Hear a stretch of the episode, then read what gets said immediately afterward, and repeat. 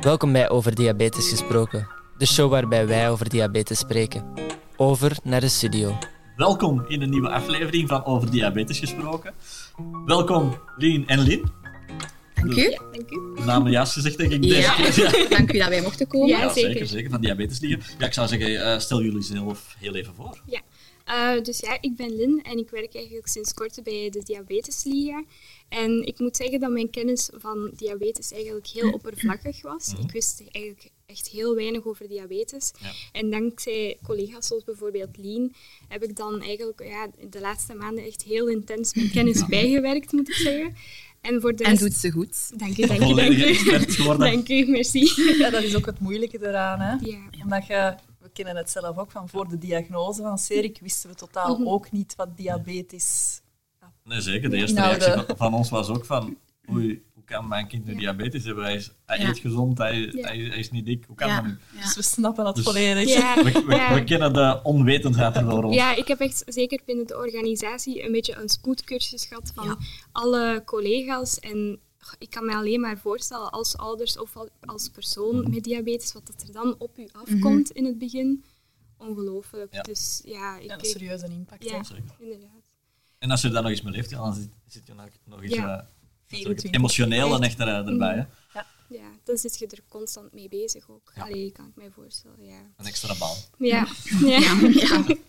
Ehm, goh, ja, en voor de rest, ik ben communicatiemedewerker. Dus samen met mijn collega's ehm Sophie en Jelle werk ik eigenlijk een beetje aan alles wat het de Diabetesliga doet, om dat tot bij onze leden te krijgen, maar ook het bredere publiek, om een bewustzijn te creëren. Dus nieuwsbrieven, sociale media, maar ook verschillende com- campagnes en eh, ook communicatie bijvoorbeeld naar de volwassen en kinderconventies toe.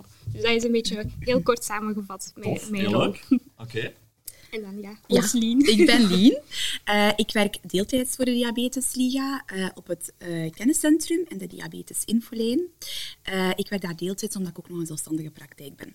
Ja. eh, heb, want ik ben van achtergrondopleiding podoloog, eh diabeteseducator. Ehm, ik doe dat uiteraard niet alleen. Ik beman of bevrouw Ja. eh, de Liga eigenlijk met mijn twee collega's. Karen Ruis, zij is diëtist-educator. En Gwen de Maagd, zij is eh, gezondheidsbevorderaar, educator.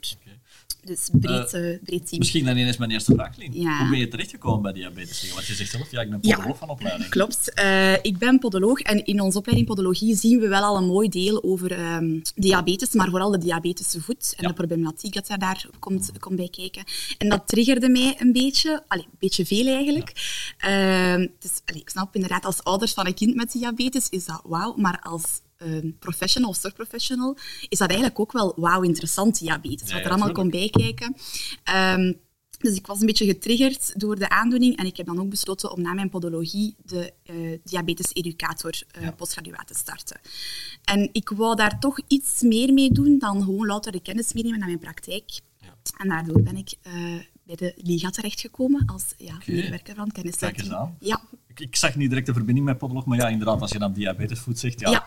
Dan is de en dat zou mijn gelegd. dada. Inderdaad. En jij zit op het kenniscentrum, dus Ja. eh, jij krijgt eh, ja, elke, dag, voor, allee, elke dag dat je daar aan het werken bent wel de nodige vragen Ja. eh, van mensen. Zijn er daar vragen die voor jou heel bekend klinken of die dat veel voorkomend zijn?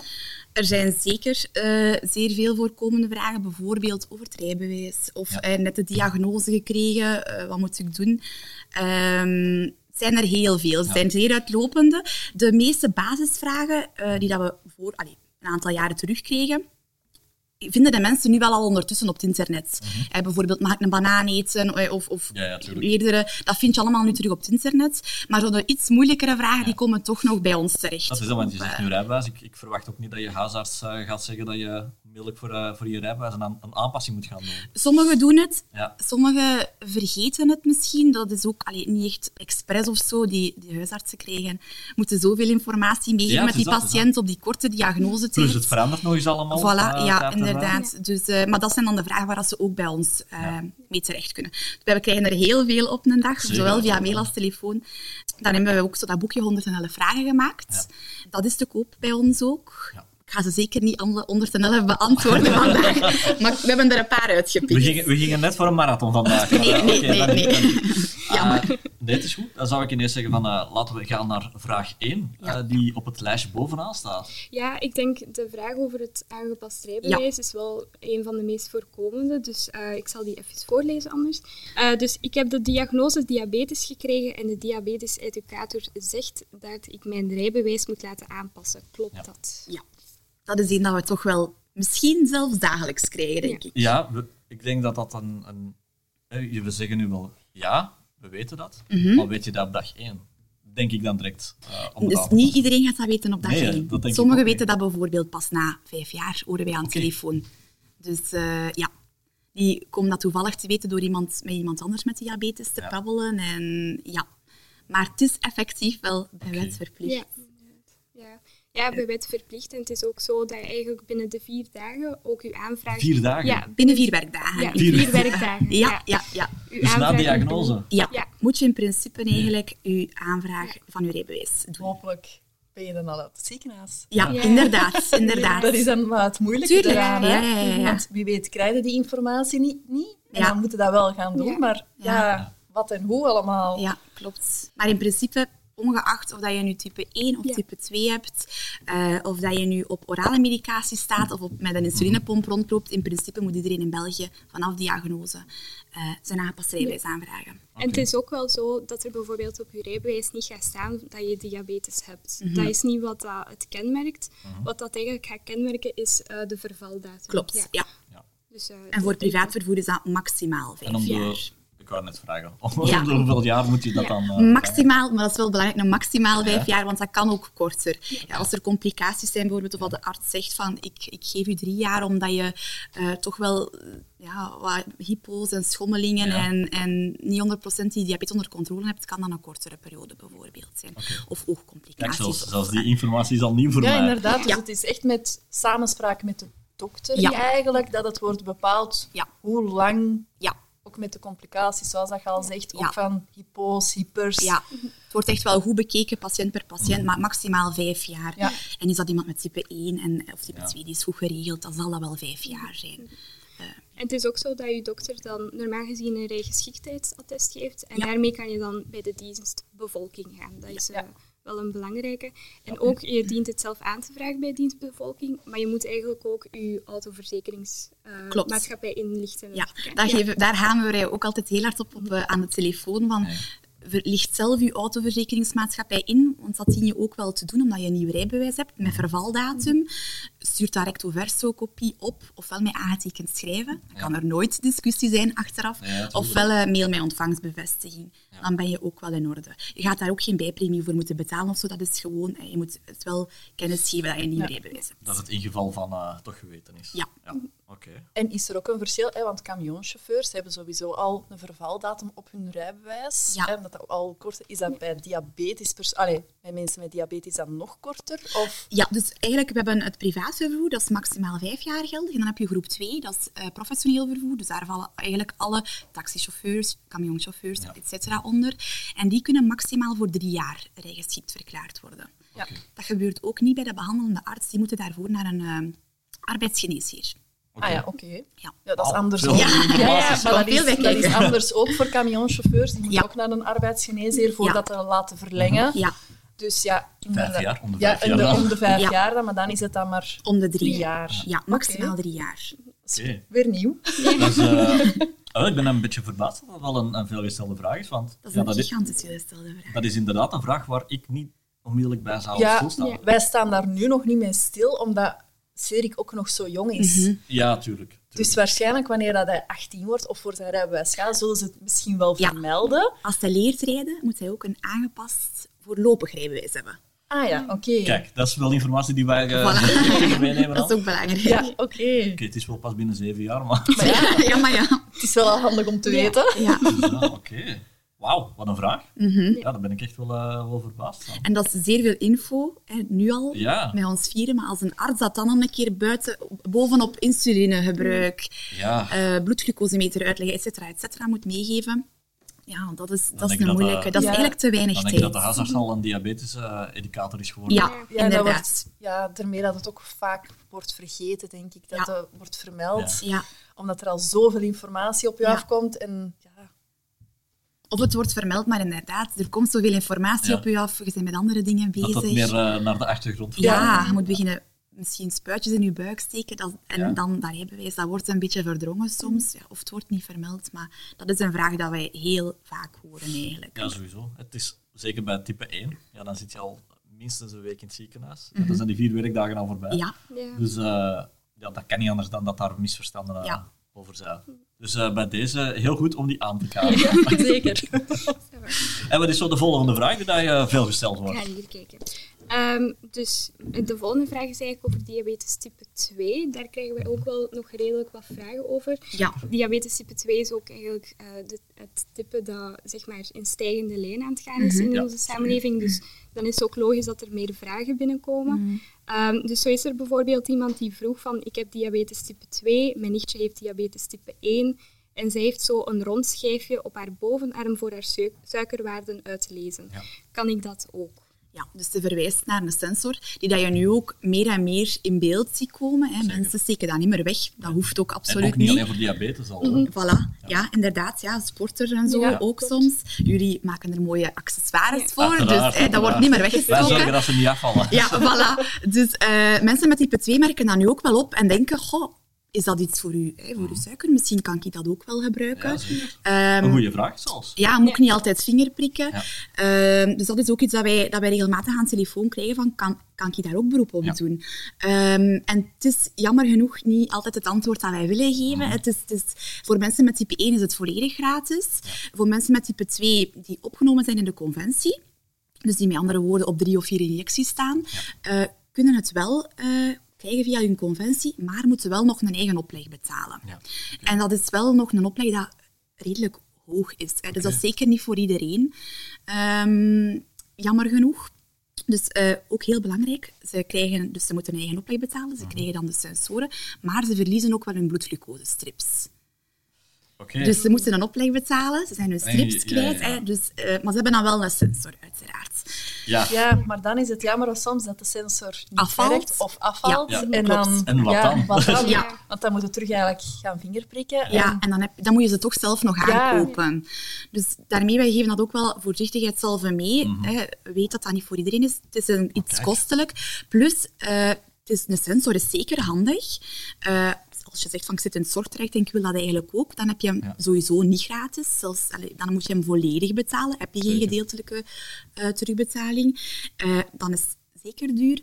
Plus, ehm, het moet ook handig zijn voor u. Hè. Dus als je, het is vooral eigenlijk handig op mens, dat mensen eh, op een multiple injectieschema staan. Ja. Mensen dat op één of twee injecties staan, is misschien iets minder handig. Inderdaad, maar ik, ik denk ook wel, en zeker als je dan heel veel schommelingen hebt, Ja. ja. dan is natuurlijk hè, allee, de sensor eh, de Ja. Ja, beste en oplossing. ook heel veel moet vingerprikken. Hè, want Ja. dat ook wel als je zes of zeven of zelfs acht keer op een dag moet vingerprikken. Zeker. Ja. Dat doet heel veel Ja, pijn. ja. Ja. Je moet het elke dag opnieuw doen. Hè? Ja. Dus, Ja. en het is ook gemakkelijk iemand dat bijvoorbeeld inderdaad ja, wil gaan sporten, rap nog eens Ja, zeker. meten. Ja, dat is, het is Ja. zeker iets handig. Ze kunnen het ook zelf aankopen op webshops van fabrikanten. Ja. Kan je het vaak al zelf aankopen. Ehm, alleen is het wel heel belangrijk, dat willen we toch nog een keer goed kaderen, dat komt wel met, er is toch wel wat educatie rond nodig. Dus Ja, als je dat wilt overwegen, ga daar eerst een keer gaan over gaan babbelen met je arts, endocrinoloog of huisarts, of wat dat voor u iets handig kan zijn.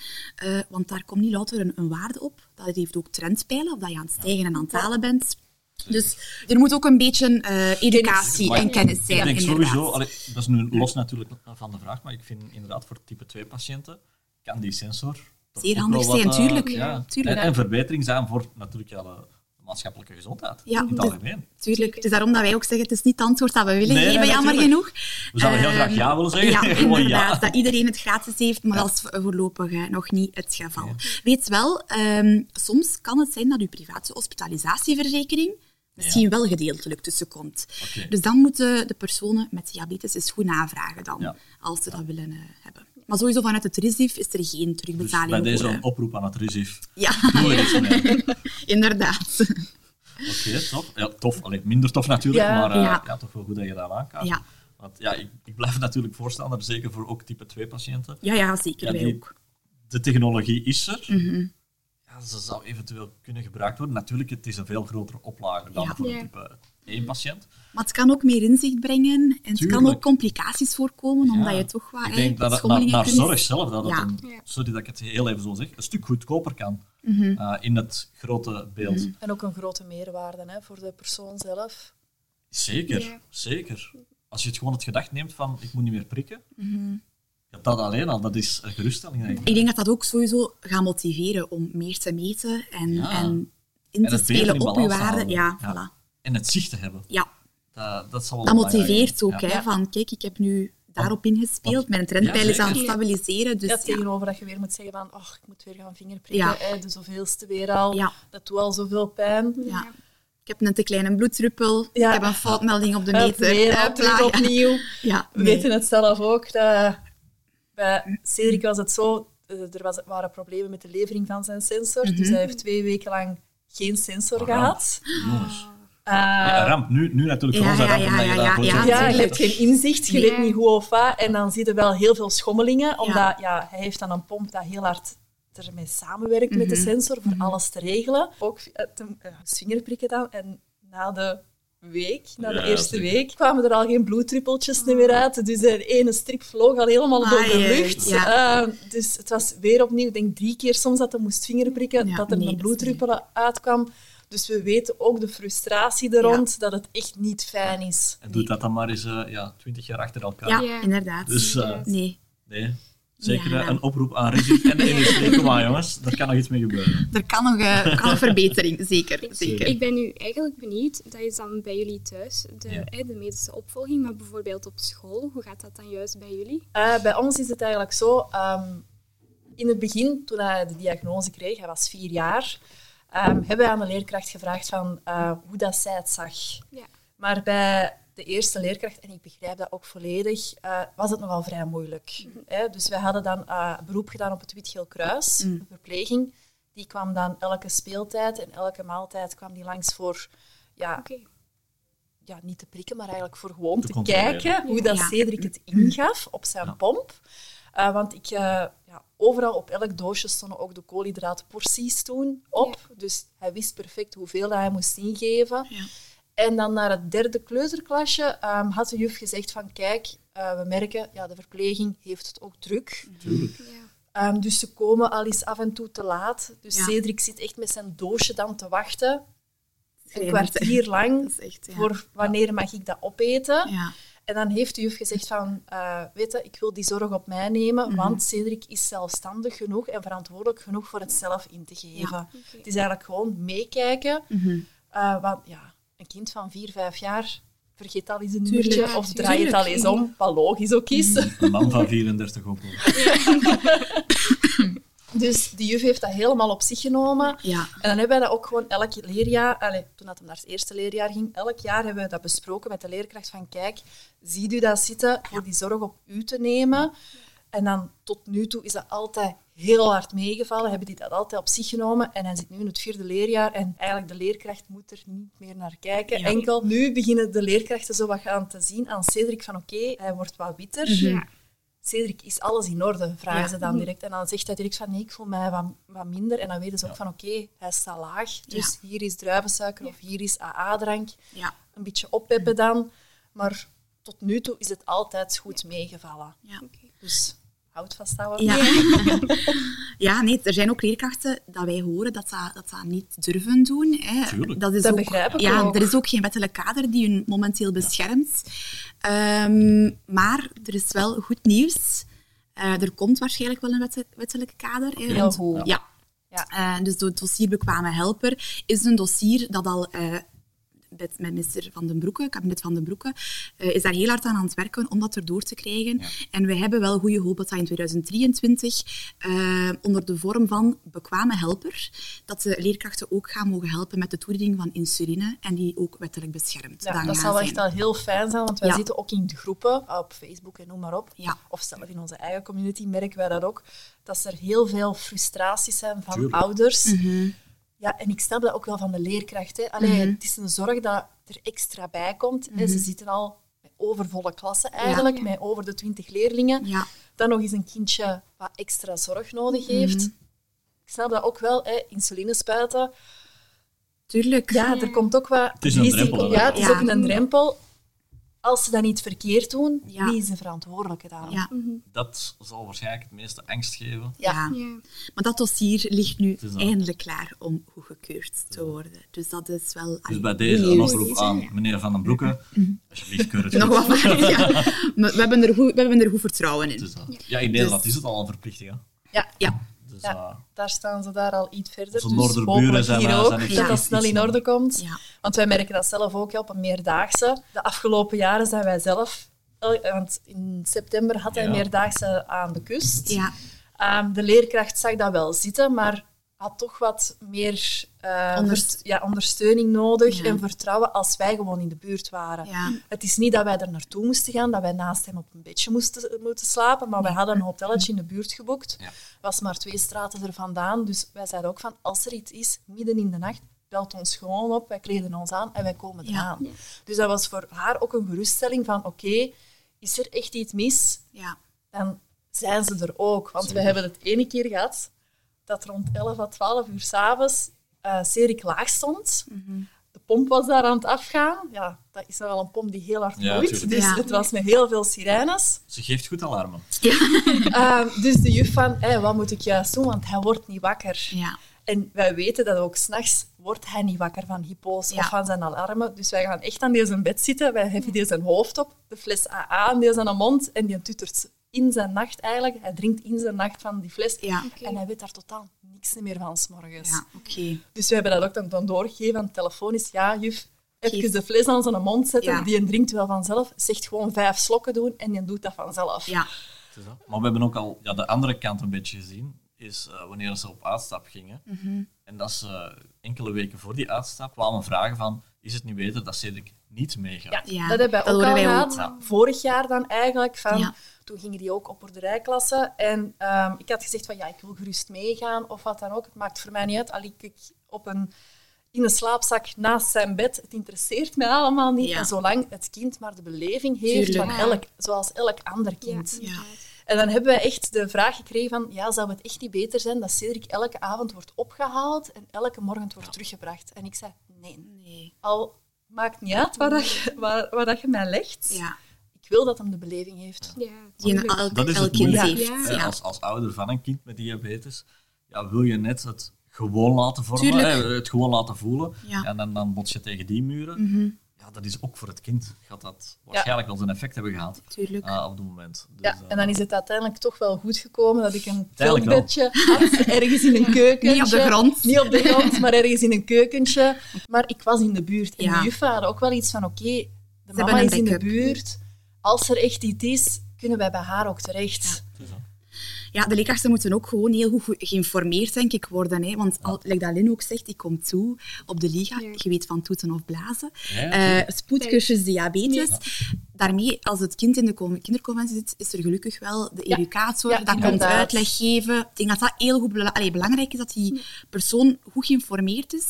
Dan ga je misschien ook wat je comfortabeler voelen om te helpen of te assisteren. Ja. Zeker. Want zo is het elk jaar bij ons, het begin van het schooljaar. Ja. Ik heb al een heel bundeltje voorbereid Ja. met al zijn informatie. Dat gaat elk jaar mee. Ja. En dan ga ik je daar ook elke begin van het schooljaar een avondje daar naartoe, even met de juf praten, even Ja. heel dat bundeltje overlopen. Ja. Voor ook even alles open kaart te spelen. Mhm.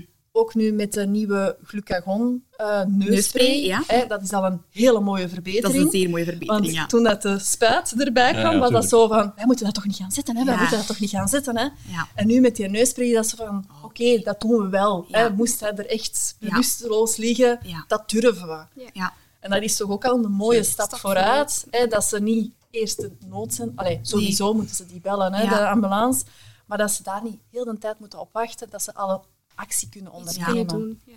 En dat is toch ook al een geruststelling. Dat neemt de angst weg. Ja. Goede informatie, inderdaad. En, en dan hopelijk eh, snel het dossier bekwamen helpen. Ja, Ja. En dan denk ik dat we, dat, er, allee, dat, dat we een hele mooie sprongen gemaakt hebben. Ja. Ja, en ook als we het nu bijvoorbeeld hebben over kinderen, we zijn vanuit de diabetesliga ook heel erg veel bezig met hoe Mhm. kunnen we die kinderen en de ouders opvangen. En veilige reizen bieden. En, ja. Dus eh, we hebben nu bijvoorbeeld ook onlangs het, eh, het gratis lidmaatschap voor kinderen Ja, bij de Diabetesliga terug eigenlijk opnieuw echt in de picture gezet en Ja. geactiveerd. En dat wil eigenlijk zeggen dat ze dan bij de kinderconventies een soort van fiche meekrijgen waar dat er al beginnende informatie op staat, bijvoorbeeld over terug... eh, allee, hoe zeg je dat? Eh, zo terugbetalingen bijvoorbeeld. ja, ja, ja. Ook die heel ook heel, onbe- belangrijk. ja, die heel belangrijk want zijn. Zowel Ja, die moet je sociaal... zelf eh, gaan opzoeken. Ja, ja. Ja, inderdaad. We Dus dan- proberen dat nu al wat voor te kouwen, hè, van waar kan je toch iets financieel...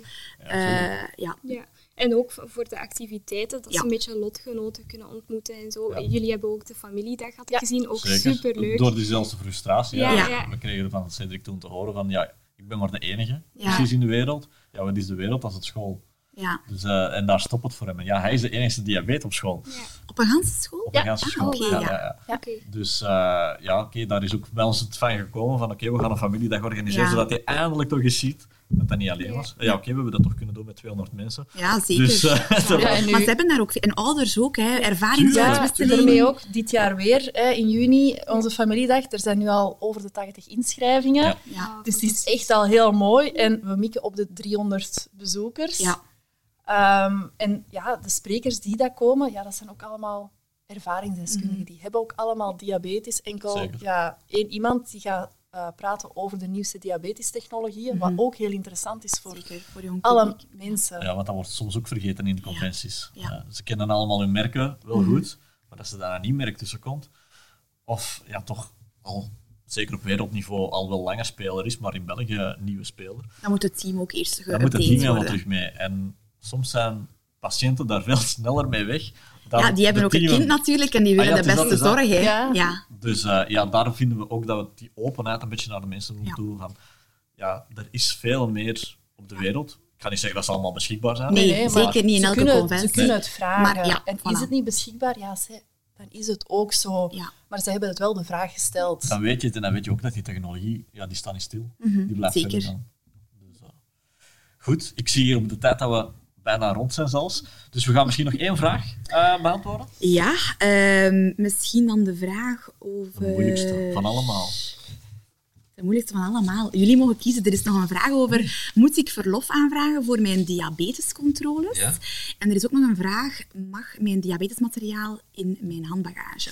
Dus ik laat aan jullie over Laten we welke zeggen vraag dat het we dan wordt. voor eh, de verlof gaan. Ik denk Verlof? dat dat me- meesten altijd aanspreekt. Ja. Ja, inderdaad, want ja, er zijn al zoveel controles die dat moeten gebeuren Ja. Dus, hè, hè. op een jaar. Mag Ja. het mee in de handbagage? Laten we zeggen, ja, oké, daar zijn wij zelf nu eh, mee bezig met een tas te ontwikkelen, waardoor dat er allemaal... Dus we komen Ja. daar Ja. nog op, eh, op terug op een ander moment. Dus eh, nee, eh, verlof. Ja, Verlof, mag ik ja. verlof nemen? Mag ik verlof nemen? Het antwoord, eh, allee, of krijg ik, krijg ik verlof hè, voor, Ja. voor medische controles? Nee. Eh, dus je moet eigenlijk zelf verlof opnemen. Ja. Hè. Het, is, het is niet zo eh, dat je, dat je allee, voor je controles, dat je dat Ja. in je werkuren of binnen de werkuren mag plannen, omdat je eigenlijk niet ehm, arbeidsongeschikt bent. Je gaat eigenlijk Mhm. louter op controle. Dus helaas is dat jammer bij diabetes, omdat er toch Dus je wel valt wat komt. niet onder ziekte, Nee, ziekteverlof. nee. dus je moet echt voor je controles bij de endocrinoloog of bij de oogarts, Ja. of noem maar op, Ja, ja. Eh, elke drie maanden. Voilà, voilà. Moet je jammer genoeg eh, verlof opnemen. Oké. De ene werkgever is daar iets flexibeler in dan de andere. Dus je kan wel een keer bij werkgever gaan aankloppen wat er eventueel iets mogelijk is. Maar in principe is zowel voor chronische zieken als voor andere personen tandartsbezoeken, etc. Ook diabetescontroles moeten in Ja. principe na de werkuren eh, gepland worden. Ja, dat wordt wel heel moeilijk hè, als uh, ziekenhuizen Ja, inderdaad. ook overdag werken en niet En niet s'avonds. Nee, dus eigenlijk als je voltijds werkt, als je halftijds werkt, kan je het uiteraard wat makkelijker plannen. Ben je eigenlijk al vier dagen per jaar kwijt. Ja, tenzij natuurlijk dat die werkgever dus, flexibeler dus is. Het is misschien goed aan, aan de werkgevers. Ja, wees er een beetje mild en solidair in. Ja, maar in principe is het jammer genoeg voor je controles... Uh, moet, je, moet je in principe wel verlof aanvragen. Okay. Dat is ook wel een dat wij regelmatig eens krijgen. Uh, ja. ja, dat zal dan meer in type 2 ook zijn, ja. uh, vermoed ik. Ja. Oké, okay, nee, super. Dan denk ik dat we daarmee gaan, gaan afronden. Ja. Waren heel toffe vragen. Allee, we hebben heel wat, eh, wat besproken, moet ik zeggen. Dus uh, Het is ook eens interessant om een keer de ervaringsdeskundige... ja, zeker. Het is een andere jullie- kijk. Het is een Voilà, andere ja. kijk. Misschien een nieuwe samenwerking tussen uh, Dias en Diabetes. Ja, wie weet. Nee, nee, nee. Heel tof dat jullie naar hier zijn gekomen. Dank jullie met wel om vragen, met jullie uitleg. Ja. Zeker, want ik denk, eh, ja, wij zijn zelf ook een beetje eh, versteld van, eh, ja, zeggen dan het rijbewijs en de verlof. Dat, Ja. dat is het meeste bij mij blijven hangen. Dus eh, ja, nee, eh, dan hoop ik voor onze luisteraars dat ze er ook iets aan gehad hebben. Ongetwijfeld. Weer nieuwe informatie. Weer nieuwe informatie. Moesten ze, want uiteraard zijn er maar vijf, maar moesten ze met andere vragen zitten? Wij hebben een gratis diabetes-infolijn. 0800. En het boekje, 101 vragen. Ja, klopt. Dus eh, op Diabetes Liga, de website waarschijnlijk te verkrijgen. Ja. Dus ga zeker een kijkje nemen. Of stel ze aan de telefoon Ja. of via mail. Dus ze kunnen altijd bij ons Zeker. Nee, dan gaan we het hierbij afronden. En bedankt voor jullie komst. Ja, bedankt. Ja, En bedankt aan aan onze luisteraars, eh, tot de volgende.